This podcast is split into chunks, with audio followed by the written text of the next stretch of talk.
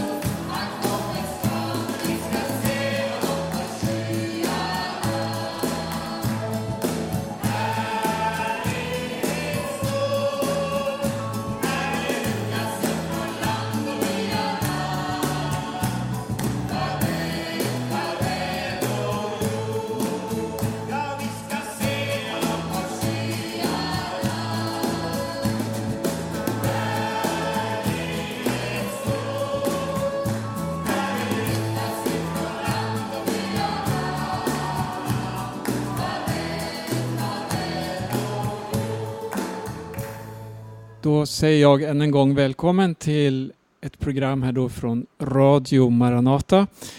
Och eh, vi har under några tillfällen här nu samtalat utifrån bergspredikan. Det här blir det tredje programmet som handlar om bergspredikan. Och med i samtalet det är Paulus Eliasson som är i Norge Hans Lindelöv i Sverige och jag själv, Berno Vedén, i Dominikanska republiken. Här i Dominikanska republiken sitter också Sebastian Vidén som sköter tekniken i det här programmet. Jag ska inleda med att läsa några verser då ifrån Matteus 5. Det är vers 13 till 16. Så ska vi kommentera de verserna något här. Ni är jordens salt, men om saltet förlorar sin sälta, hur skall man då göra det salt igen? Det duger bara till att kastas ut och trampas ner av människor. Ni är världens ljus. Inte kan en stad döljas som ligger på ett berg. Inte heller tänder man ett ljus och sätter det under skeppan, utan man sätter det på ljushållaren så att det lyser för alla i huset. Låt på samma sätt ert ljus lysa för människorna så att de ser era goda gärningar och prisar er fader i himlen. Det är alltså Jesu ord i Matteus 5 här. Och eh, tänkte be dig Hans Lindelöf först då att ge en, eh, något av dina tankar kring det här bibelordet. Ja, när det talas om salt och ljus då får vi ju kanske också en anledning att tänka lite grann på vilken betydelse det har i Guds, om man säger, rådslut. Om vi går till Gamla Testamentet och läser om, om eh, gudstjänsten som upprättades. Då har ju saltet en betydelse. Det står ju i, i vad heter det, i, i tredje Mosebok där det stadgas om om offren att eh,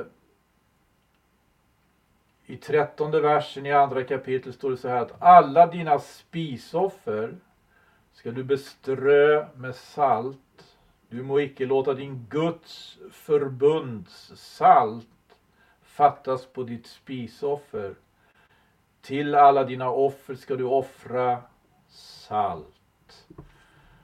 Och ljus kan vi läsa om, då handlar det om ljusstaken. Eh, det står ju också om den va, i Matteus evangelium. Man tänder ju inte ett ljus och sätter det sen under skeppan. Men ljusstaken här i tredje Mosebok, eh, den står ju i det heliga i helgedomen.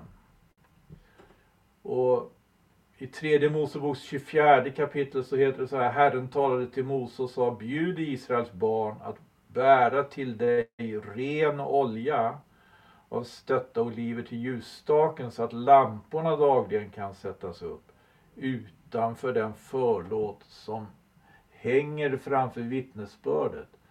I uppenbarelsetältet ska Aron beständigt sköta det från aftonen till morgonen inför Herrens ansikte. Detta ska vara en evärdlig stadga för er från släkt till släkte. Lamporna på den gyllene ljusstaken ska han beständigt sköta inför Herrens ansikte. Salt till offren och en ljusstake som ska skötas. Är det utan vidare som Jesus i bergspredikan kommer in på det här med salt och ljus. Vi vet ju också att aposteln Paulus i sitt brev till Korintierna han är angelägen om att få eh, vännerna där att förstå att de är ett Guds tempel. Va? Det står ju i, i första Korintierbrevet till exempel, tredje kapitel och vers 16 där. Vet ni icke att ni är ett Guds tempel och att Guds ande bor i er? Det, det, är just det här som jag tror också bergspredikan definitivt eh, eh, berör. När Jesus kommer in på det här med salt och ljus, då finns nog den sidan. Men det är ju också så att han säger faktiskt inte ni är altarets salt. Han säger ni är jordens salt. Han säger inte heller ni är ljuset i ljusstaken på direkten utan han säger ni är världens ljus. Men det kan ju också handla om vad Guds tankar är ifrån begynnelsen med att överhuvudtaget eh, till exempelvis låta Mose eh, stadga om, om helgedomen på det sätt han gör. Det skulle leda till ett ljus som skulle komma. Och det ljuset är Jesus själv och det ljuset reflekterar vi i hans lärjungar. Och det är, det är heligt. Paulus, har du någon kommentar till det här?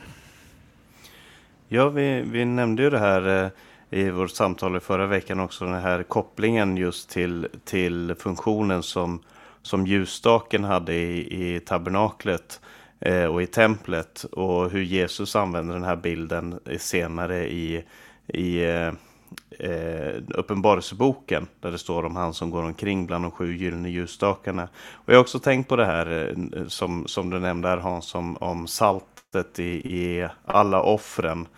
Eh, och, och Bibeln använder ju den här bilden av salt i lite olika situationer just därför att salt kan ha så många olika funktioner. Men jag tror att det, det har att göra med att eh, det finns en speciell karaktär hos den som är troende och den speciella karaktären är, är värd att kämpa för och, och att eh, odla, att, att uttrycka i den här världen och inte vara rädd för att vara annorlunda helt enkelt. Mm. Sen, sen det här tänker jag också på att Jesus talar inte om saltet och ljuset, vad det är, utan han, han eh, säger till lärjungarna att ni är jordens salt och ni är världens ljus. Det, det, han överlämnar ju verkligen en viktig, eh, eh, vad ska man säga, eh, syn på det här. Alltså att det, saltet har en väldigt viktig funktion, lika, lika så ljuset. Men just det här att det överförs till lärjungarna och det, och det här tror jag är något vi också kan ta till oss som Guds församling här på jorden, som eh, Kristi kropp här i tiden så bör vi också ha de här egenskaperna i våra liv. Och det är en ständig bön det här att eh, måtte vårt liv få vara ett salt mot förruttnelsen, ett salt som, som kan bevara, ett salt som kan hjälpa människor Eh, att få tag på det som är värdefullt. Det finns saker som behöver bevaras från ondskan och från allt som bryter ner här i tiden. Och på samma sätt är det med ljuset. Vi får vara ljus i världen. Och att staden ger ljus, den ligger på ett berg. Det berörde vi också förra gången. Det, det tror jag också är viktigt att vi är inte ett ljus vilket som helst utan det är ett avskilt ljus. Vi är ett avskilt folk för Herren Jesus Kristus som sprider ljus här i tiden. Mm. Ja. Finns det ytterligare någon kommentar på det här? Eh, jag kan ju nämna för att jag kommer inte ihåg vad den här staden hette som, som det kan hända att Jesus refererar till när han nämner just det här, en stad som ligger på ett berg kan inte döljas. Jag kollade upp det eh, efter sändningen. Den heter ju Safed.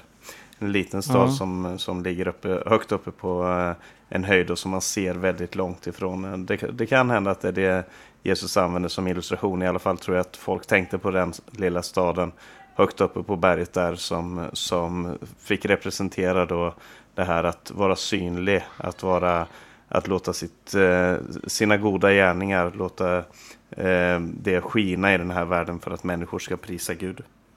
Mm. Eh, Hans, vill du lägga till något ytterligare? Ja, alltså, jag, om jag säger som så då att Jesus säger till lärjungarna, ni är jordens salt. Han säger inte, ni är altarets salt. Så betyder ju inte det att det inte finns ett altare. Det finns ett altare och det är ju märkligt hur altaret så att säga kommer att också eh, hur Jesus påminner om altaret i själva bergspredikan. Mm. Och det är väl lite längre fram i det här kapitlet när han säger som så när du kommer med din gåva till altaret. När du kommer med din gåva till altaret och där drar dig till minnes att din broder har något emot dig.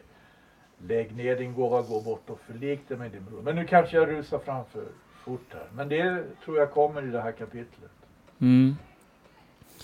Ska vi göra så att vi läser ytterligare några verser. Vi har kommit fram till vers 17, alltså i Matteus 5. Och det finns en rubrik här i folkbibeln, det står Jesus och lagen. Tro inte att jag har kommit för att upphäva lagen eller profeterna. Jag har inte kommit för att upphäva utan för att fullborda. Amen säger jag er.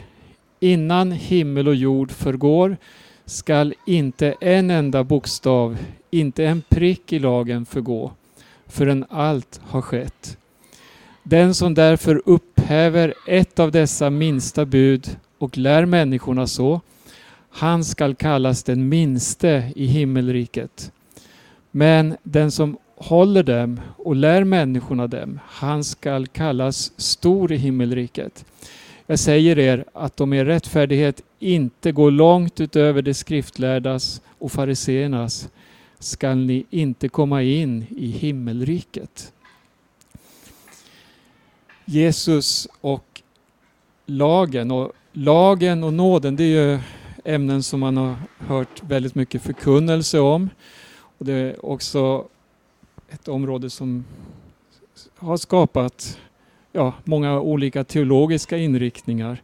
Men vad är det Jesus vill ha sagt här? Vad, vad är det fokus som, som vi bör eh, få fram här? Det vi behöver ja, hitta fram så att säga. Eh, vet inte vem som ska börja. Jag, jag, kan, jag kan börja med att säga någonting ja. här om, om eh, de här uttrycken i, i texten. Bara eh, innan vi går in på, på vad, vad den här texten betyder och hur den ska appliceras. Eh, så tänker jag på först det här som, som det står Jag säger er sanningen, står det i eh, Svenska folkbibeln 2015 översättning. Eh, I deras förra översättning så tror jag de skrev Amen, amen säger jag er.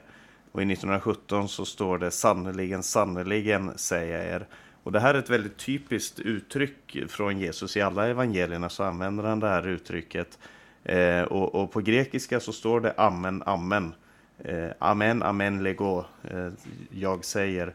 Eh, och det, eh, amen är ju ett arameiskt och ett hebreiskt uttryck som har att göra med sanning och trovärdighet. Att någonting är trovärdigt, att någonting är sant, att det är möjligt att bygga på.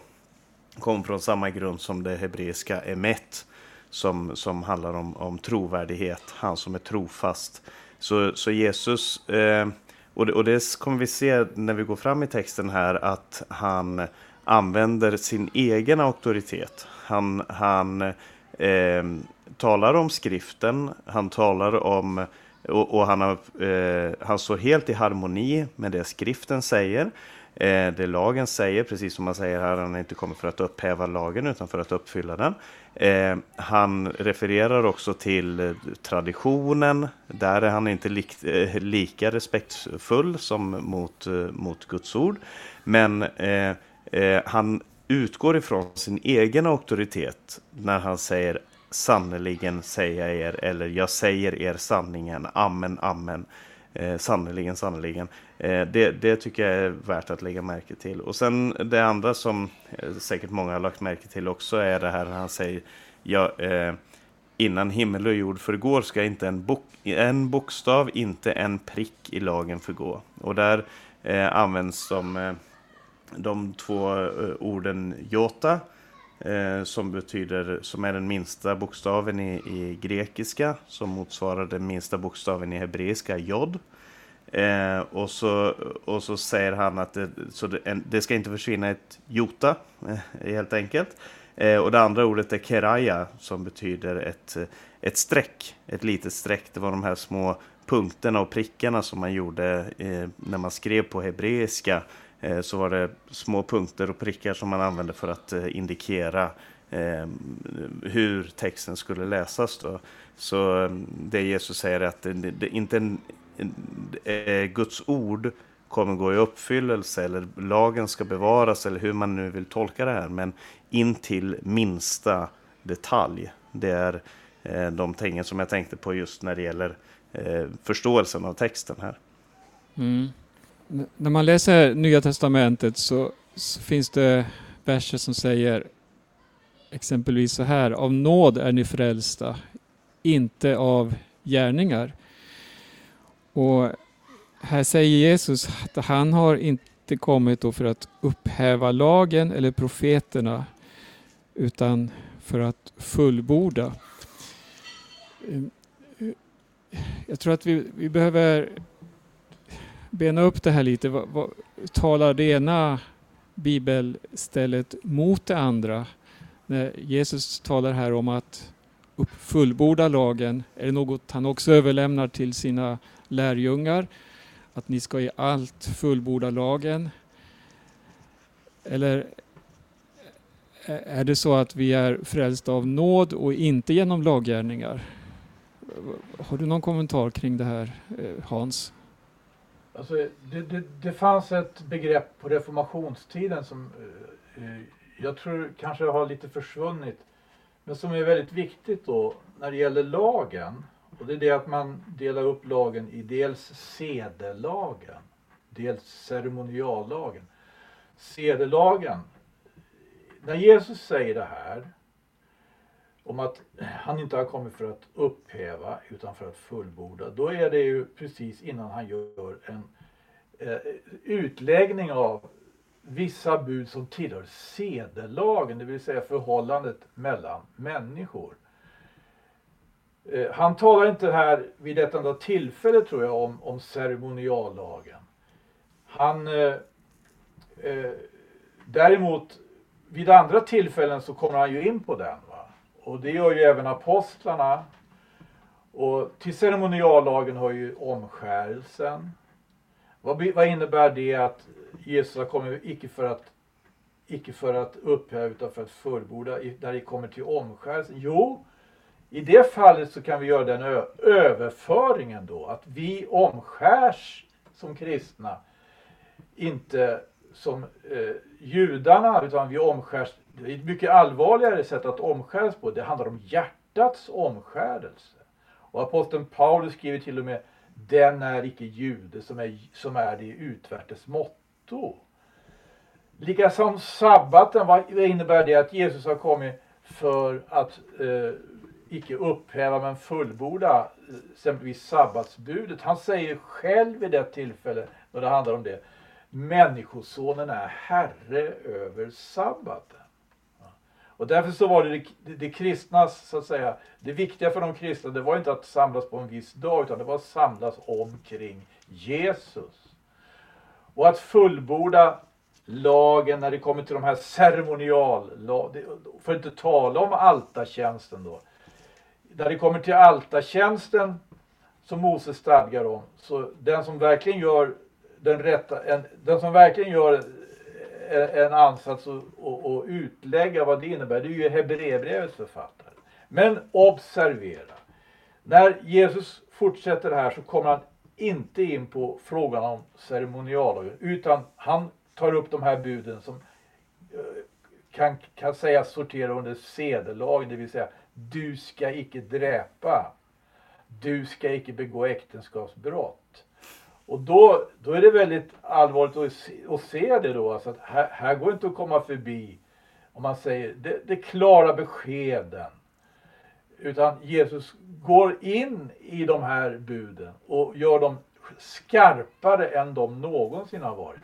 Det är alltså ett annat sätt då. Vad, vad handlar det om att han har kommit inte för att upphäva utan för att fullborda det kommer till budet om att icke dräpa? Jo, det ska vi snart titta på. Ja, Paulus. Du, du... Ja, nej. Eh, jag, jag tänkte bara jag skulle säga att det, det, det, här är ju ett jättestort ämne egentligen, det här med förhållandet mellan lagen och nåden som du nämnde, Berno. Eh, och, och, jag tror att, eh, jag tror en sak som jag tror är viktigt, det är att inte läsa in aposteln Paulus i Jesus. Eh, de, de förkunnar samma evangelium, de har samma eh, mål, eh, det handlar om Guds förhärligande och så vidare. Men de använder ofta uttryck på, ett lite, olik, på lite olika sätt. Till exempel det här med lagen. Eh, ibland så refererar ordet lagen till de tio budorden. När Jesus säger vad säger lagen så säger den rike unge mannen han säger eh, du, ska, du ska älska Herren din Gud, du ska inte stjäla du ska, och så vidare. Eh, andra gånger så handlar lagen om de fem Moseböckerna. Eh, när det står lagen och profeterna till exempel. Andra gånger så handlar lagen om, precis som du nämnde Hans, om den här 613 olika eh, buden som finns i, i Gamla Testamentet, eller i, i Moseböckerna, inte bara eh, de tio buden, men, men alla de här ceremoniella lagarna och, och sedlighetslagarna som du kallar dem och så vidare. Ehm, Väldigt ofta refererar du till hela Torah, eh, alltså de fem Moseböckerna. Och då kanske man hellre skulle tala om det som undervisningen. Eh, och ibland så refererar det till hela Gamla Testamentet, eh, det som judarna idag kallar för Tanach.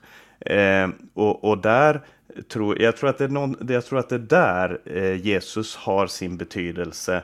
Att när han säger jag inte kommer för att upphäva lagen utan för att fullborda den. Lite som Paulus säger i Romarbrevet 10 och vers 4.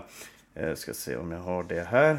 Romarbrevet 10 och vers 4 säger han Kristus är lagens fullbordan till rättfärdighet för var och en som tror. Eh, och, eh, och, han säger, han använder ordet telos på grekiska som betyder fullbordan, ett mål eller en uppfyllan. Eh, medan Jesus använder ordet pleros som betyder att vara full av någonting när han säger eh, att uppfylla lagen. Eh, och, och, Jesus hade ju den här funktionen eh, att vara den som var utan synd. Han, han var en människa, prövade allt liksom vi, men utan synd som Hebreerbrevet säger. Eh, och som Paulus säger så är han också lagens mål. Det är alltså den som hela Gamla Testamentet pekar fram emot. När man läser Gamla Testamentet, både Moseböckerna och, och resten, så ser man att det är en historia som pekar fram emot en person och Jesus är uppfyllandet av den personen. Så det tror jag är en del av, av betydelsen av det här bibelordet i Matteus när, när han säger just att eh, jag har inte kommit för att uppfylla lagen, ut, eh, för att upphäva lagen utan för att uppfylla. Eh, det, allting Eh, och så specificerar han för eh, inte en bokstav, inte en prick i lagen ska få gå, inte förrän allt har skett. Alltså in, inte, inte förrän alla människor håller alla bud. Det är inte det han säger, utan det han säger är allting ska ha skett. Det som du talar om, det som det pekar fram emot, det ska uppfyllas. Och sen tror jag också när det gäller just det här, hur ska en kristen förhålla sig till lagen, lite som du var inne på Hans, så, så i mm, första Timoteus brev så nämner Paulus, eh, aposteln Paulus om eh, hur kristna ska ehm, eh, hjälpa sina ledare, sina eh, de som förkunnar i församlingen, de som är herdar och lärare och så. Han säger i kapitel 5 och vers 17. De äldste som sköter sina led, sin ledaruppgift väl ska ni anse värda dubbel heder, särskilt de som undervisar med predikan och undervisning. Skriften säger, du ska inte binda för munnen på oxen som tröskar och arbetaren är värd sin lön. Eh, och, och, och han använder alltså ordet om att inte binda munnen på oxen som tröskar. Som alltså handlar om oxar och tröskande. Och så applicerar han det. Han finner grundtanken i det och så applicerar han det på deras situation när det gällde ledarna, de som förkunnade, de som undervisade och hur de skulle få sitt uppehälle. Eh, och, och det, det är en, tror jag, en väldigt viktig eh, tanke också att eh, Kristus är lagens uppfyllelse i betydelsen som vi kommer läsa vidare här, som du också nämnde Hans, när han, när han går igenom det här med mord och hat och bön och givande och äktenskapsbrott och löften och så vidare. Eh, att, att han sätter lagen på sin rätta plats och ger det sin rätta applicering. Det är någonting av det jag tror Jesus försöker komma fram till här. Mm. Ja, det är intressanta eh, Eh, eh saker som ni får fram här. Jag tänker på när de som lyssnade till Jesus här. Jesus säger ju inte till dem att, eh, att eh, ni ska fullborda lagen, utan han säger att han har kommit för att fullborda lagen. Men vad Jesus gör, han skärper ju lagen så att egentligen står alla slätt emot Jesus. Ingen kan på något sätt uppfylla det som Jesus här presenterar, det som vi snart kommer att läsa om här också. Men de som lyssnade till Jesus, jag försöker tänka hur, hur de uppfattade honom. För de hade ju ett öga till skriften då, som norm. Och eh, när Jesus talar om lagen och profeterna, ja då är ju det, det, det, det gamla förbundet, alltså de texter och den tradition som fanns hos eh, det judiska folket. Men så, så, så fortsätter ju Jesus. Han, han talar inte bara om lagen och profeterna utan han ger också en varning. För att de som satt och lyssnade till Jesus, de hade också ett öga på fariseerna som var deras exempel, som skulle vara de som visade vägen för hur folket borde leva. Och det här tar Jesus också upp flera gånger.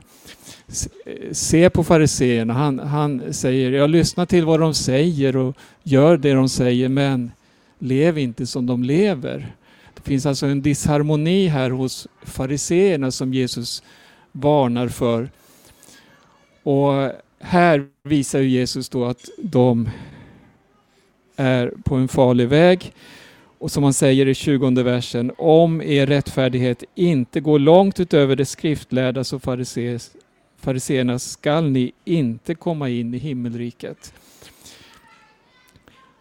Jesus vill hjälpa sina åhörare, tror jag, att få ett rätt förhållande till skriften och se att den är rakt igenom god, det är Guds ord, den är fullkomlig men eh, låt det inte få bli ett hyckleri att ni genom era laggärningar tror att ni ska ja, bli fullkomliga. Nej, han, alltså, e-, en, en, något som Jesus säger till fariseerna och skriftlärare, det är just detta att ni gör Guds bud om intet för att istället presentera era fäderneärvda stadgar. Mm. Han menar alltså, vad Jesus gör här är ju att han direkt tar fasta på Guds bud. Det är, det är det som kanske för folket är, eh, jag, jag, vet inte hur pass mycket de skriftare lyckades liksom eh, kringskansa Guds bud med sina, med sina stadgar. Men eh, det, det kan ha varit chockerande att höra Jesus. Ja, Ska vi ytterligare säga något här eller ska vi läsa vidare?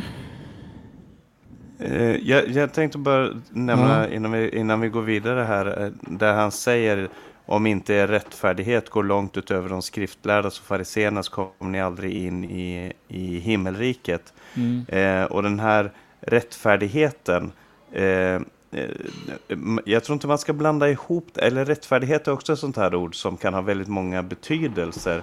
Eh, och jag tror inte man ska blanda ihop det riktigt med det som eh, Paulus talar om i, i Romarbrevet och Galaterbrevet om, om Guds rättfärdighet som uppenbaras därigenom från tro till tro. Eh, som handlar om hur vi står i ett rätt förhållande till Gud. Eh, det, det, har med det att göra, jag ska, ska inte säga det. Så, men men eh, jag tror att det här har också väldigt mycket att göra med det Jesus säger innan här. Man får ju låta Jesus använda uttryck som, på det sätt som han eh, gör då. För han säger saliga de som hungrar och törstar efter rättfärdighet, för de ska bli mättade. Och det här uttrycket rättfärdighet, det kommer tillbaka väldigt många gånger i Jesu bergspredikan. Och det handlar väldigt ofta om hur vi behandlar varandra. Hur man Eh, skapar ett samhälle, hur man skapar en värld, en församling eller e-, ett liv som, som är präglat av eh, godhet, av kärlek, av omsorg och så vidare mot syskon, mot världen omkring en. Eh, och, och, och, jag tror att någonting av det Jesus säger här är att vi, vi ska inte vara nöjda med den här yttre rättfärdigheten som är representerad i, det, i hans tid av, av eh, den samtidiga religiositeten som då fanns hos skriftlärda och fariseer, eh, den, den yttre rättfärdigheten, men att det skulle få ta ett steg längre in. Eh, I vår tid så är det här representerat mest i oss, antar jag. Väldigt ofta i, i oss, den här falska, ytliga rättfärdigheten. Men, men Jesus utmanar oss att komma in i, ett, i en annan typ av liv där det, där det finns en ärlighet och en öppenhet som, som vi människor inte kan prestera i oss själva.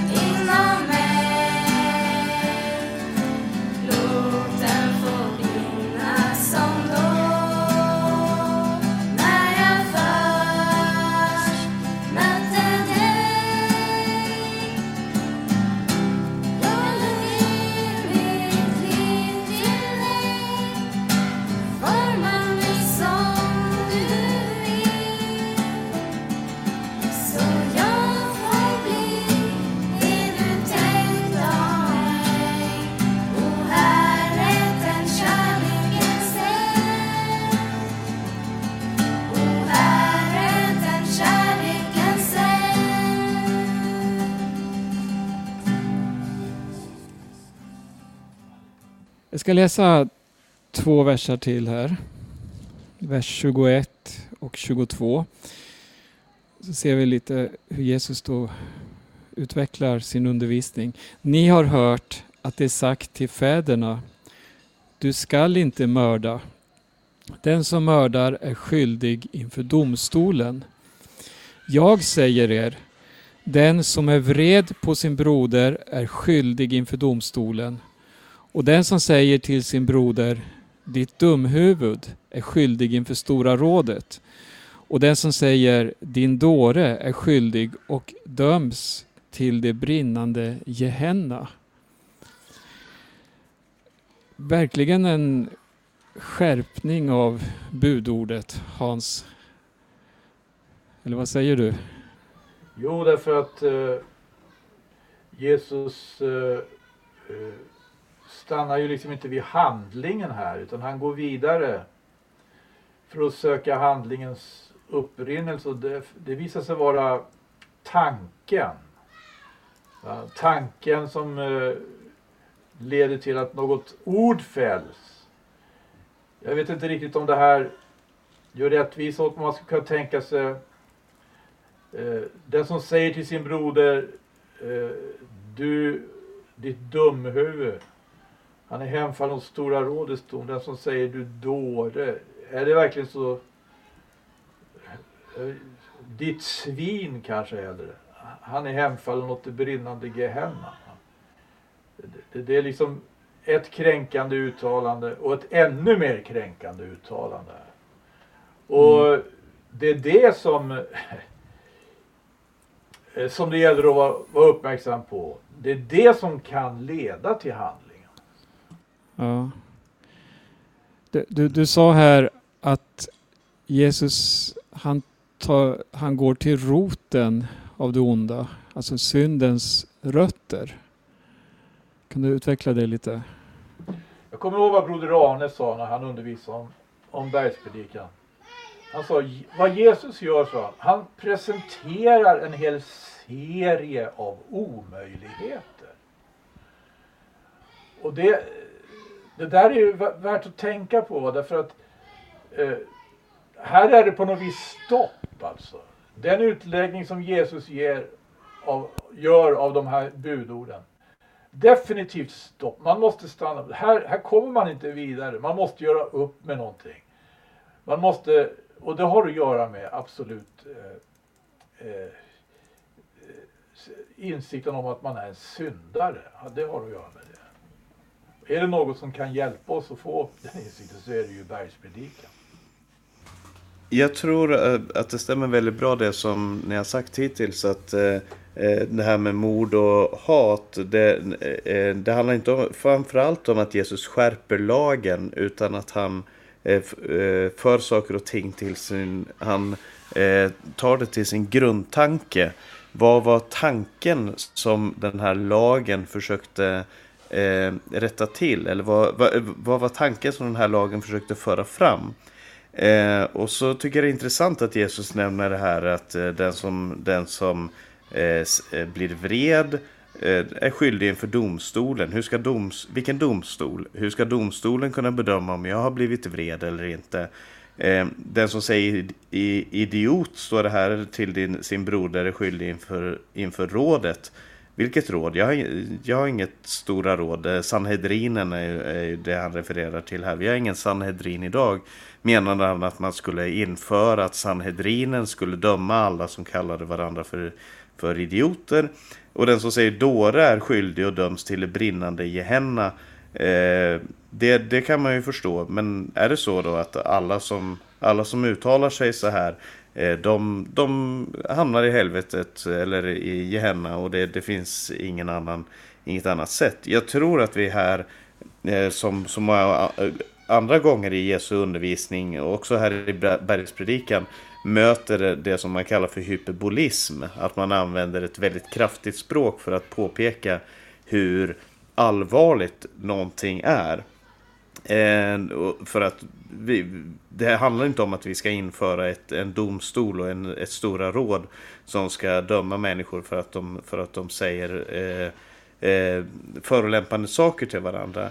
Men han, han eh, kommer tillbaka till, eller han, han eh, önskar att föra den här lagen tillbaka till det som var tanken med den. Nämligen att eh, det här att det hjärtat är fullt av, det talar munnen. Och det hjärtat är fullt av kommer också komma ut som handlingar, som någonting man gör. Vad beror det på att vi kallar varandra för de här sakerna?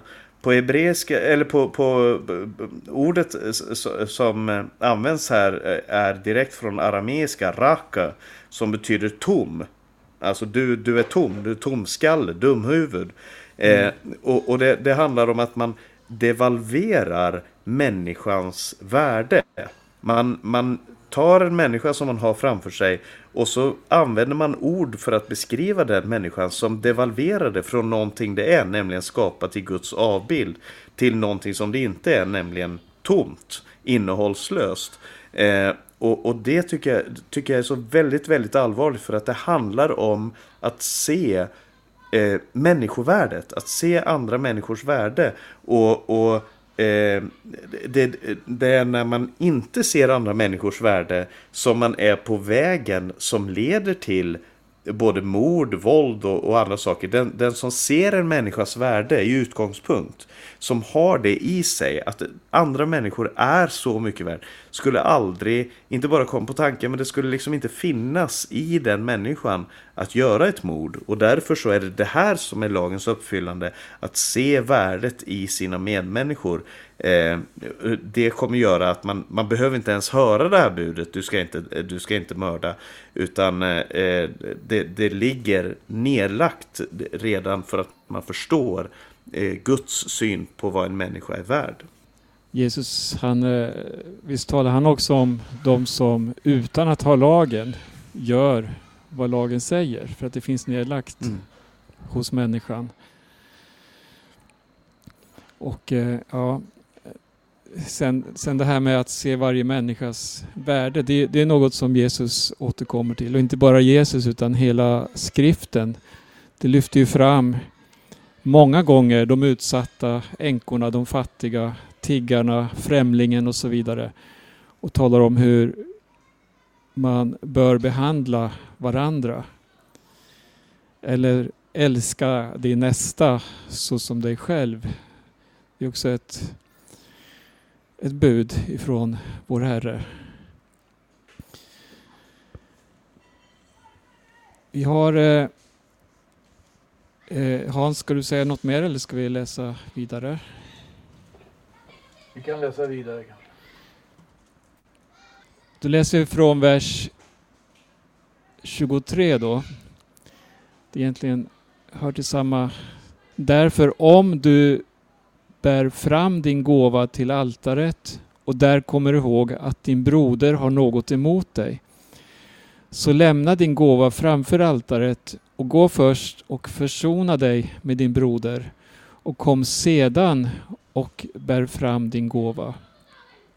Var angelägen om att göra upp med din motpart när du är med honom på vägen så att din motpart inte överlämnar dig till domaren och domaren överlämnar dig till fångvaktaren och du blir kastad i fängelse. Amen säger jag dig, du slipper inte ut därifrån förrän du har betalat till sista öret. Här har vi då en liten annan vinkling av det hela. Eh, vem ska börja här och säga något? Hans? Jesus talar ju om här alltså att saker och ting som är egentligen omöjliga att kriminalisera borde kriminaliseras. Men det är ju mm. alltså helt uppenbart därför att han vill understryka hur allvarligt det är. Mm. Eh, Paulus? Ja. Om, om du bär fram din gåva till altaret, börjar Jesus med här. Och sen så säger han, eh, Eh, han talar om domaren.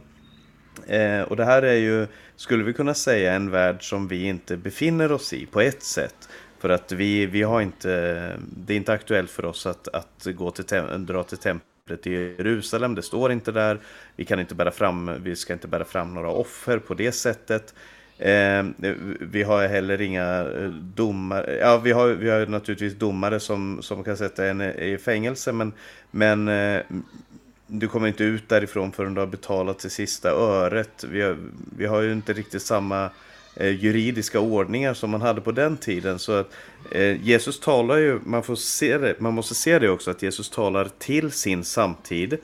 Eh, han, det här är inte skrivet till oss. Det är skrivet till de lärjungarna som var samlade där på, på berget med folket som åhörare. Men det är skrivet för oss. För mm. att vi ska lära oss av de här principerna som, som, eh, som vi kan få ut ur den här situationen. Och, och det jag tror att han framförallt vill nämna som princip, det är att prioritera eh, försoning. Alltså, det, det var jätteviktigt att bära fram sina gåvor och vi har säkert en massa saker som vi också tycker är väldigt viktiga i, i gudstjänst, i hur vi, hur vi lever för Gud. När det gäller bön, bibelläsning, offer, mission, eh, möten, evangelisation och vad det, vad det än kan handla om. Saker och ting som vi tycker, det här, det här det är viktigt och det här önskar Gud att jag ska göra. Det här vill Gud att jag, att jag ska ägna mig åt. Men så sen till dem då som såg det här att bära fram sitt, sitt offer till altaret. Man skulle rena sig, man skulle förbereda sig, man gick igenom olika processer. Men så kommer han fram och så har, ska han precis bära fram sitt offer och så kommer han på nej, jag har ett förhållande med, en, med ett syskon som inte är det det borde vara. Och det är viktigare än allt annat att vi får rättat upp den här situationen innan jag ens bär fram det här. Jag, jag ska inte göra någonting innan jag har, har gjort det här. Och, och, det jag tror att Jesus önskar sätta fokus på det är att eh, i, i, den första delen här som vi läste innan så handlar det om människovärdet, att se en människas värde.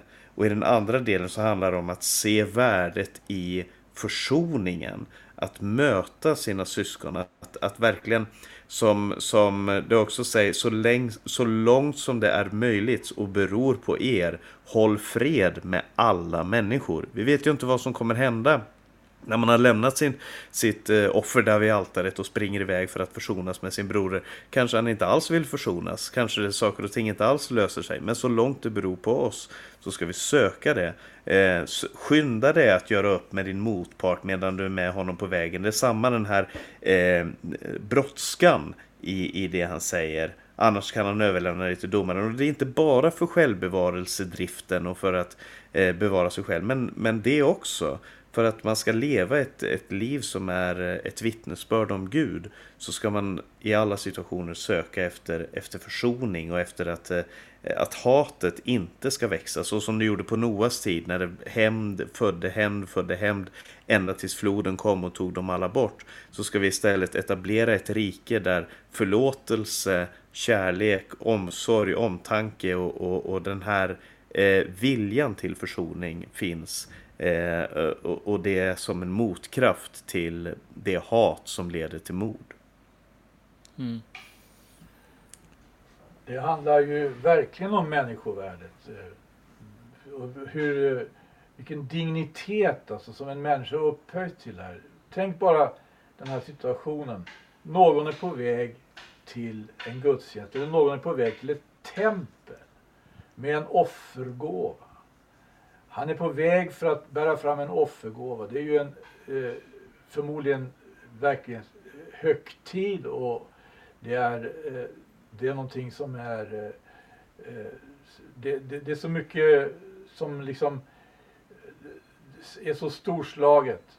Men och så kommer han att tänka på någon har något emot honom. Det är inte att han har något emot någon utan det är någon kanske har något emot honom. Och då står eller faller allting med det. Ja. Och här är också en enorm, eh, ett enormt perspektiv på, eh, på lagen. Det står faktiskt så här i Jakobs brev i fjärde kapitlets elfte vers. Jag tror att det har, har med det här att göra. Förtala icke varandra mina bröder. Den som förtalar en broder eller dömer sin broder, han förtalar lagen och dömer lagen. Men dömer du lagen så är du icke en lagens görare, utan dess domare. Eh, hela Mose lag, dess hela omfattning, den är verkligen storslagen, den är verkligen imponerande. De skriftlärda och fariseerna förstod att det här var någonting de kunde syssla med som skulle liksom ge dem en eh, hedervärd ställning. Men det var mest deras ställning det kom att handla om. Det kom egentligen inte att handla om lagen. När apostlarna, eh, när Herrens Jesu tjänare undervisar om lag, då kan hela lagen plötsligt, hur omfattande, storslagen och imponerande den än är, stå eller falla med den enskilde brodern. Ja. Mm. Det finns två ord som jag tänker på när jag lyssnar på er och läser den här texten. Det, det handlar om ödmjukhet och försoning. Att med ett ödmjukt hjärta komma inför Gud och komma inför varandra och, och vikten av att försonas med varandra istället för att alltid kräva sin rätt då. Det finns, det finns värden som är mycket högre och alla människor har så olika utgångspunkter och olika synsätt på saker och ting.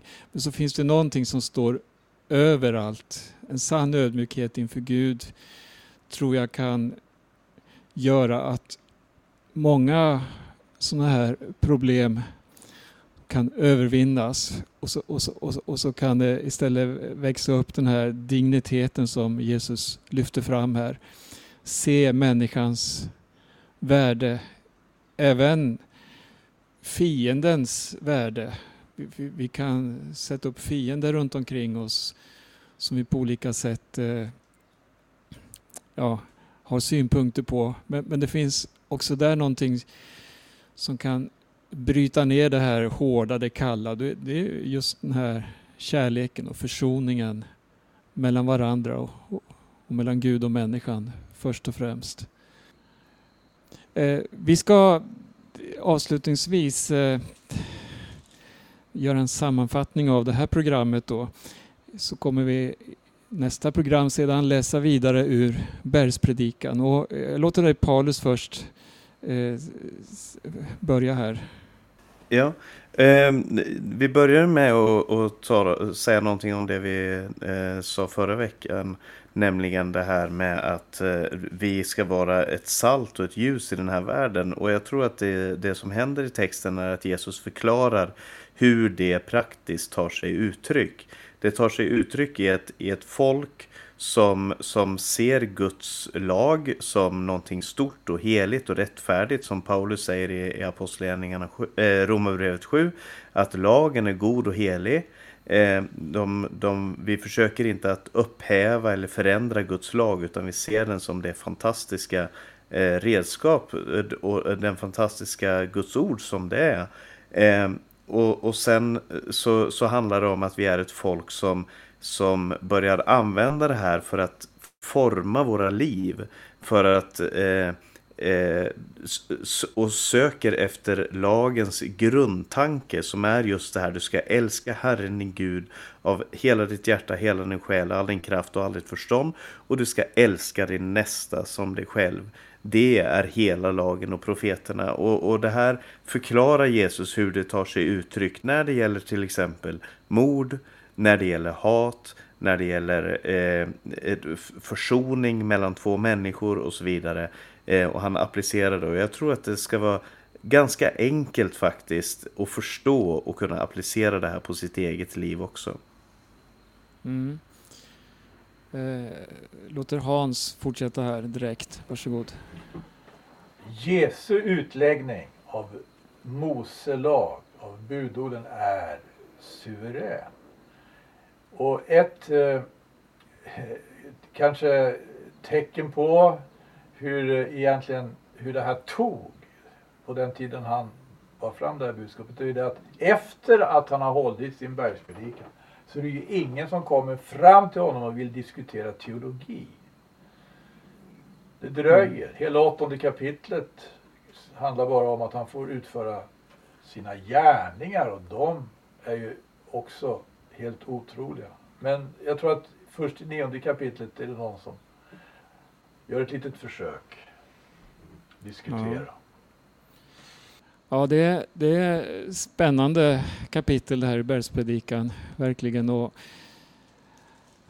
jag har, jag vet inte vad jag ska säga riktigt, men jag har ett, det är ett, det är ett böneämne och det tror jag vi bär på allihopa. Att, att att Gud hjälper oss genom den heliga Ande att, att kunna förstå texterna mera och kunna få tag på kärnan i evangelium. Och, och här handlar det ju mycket om eh, såna här gedigna saker som vår gudsbild, vår relation till varandra och så vidare. Och det, det och det, det, finns ett sätt att le, leva som verkligen behagar Gud. Och det tycker jag kommer fram här i bergspredikan. Vi eh, ska avsluta programmet här idag. Men som sagt så kommer vi att återkomma till eh, bergspredikan i vår nästa sändning. Med det så säger jag tack för oss för den här gången och önskar allesammans Guds rika välsignelse.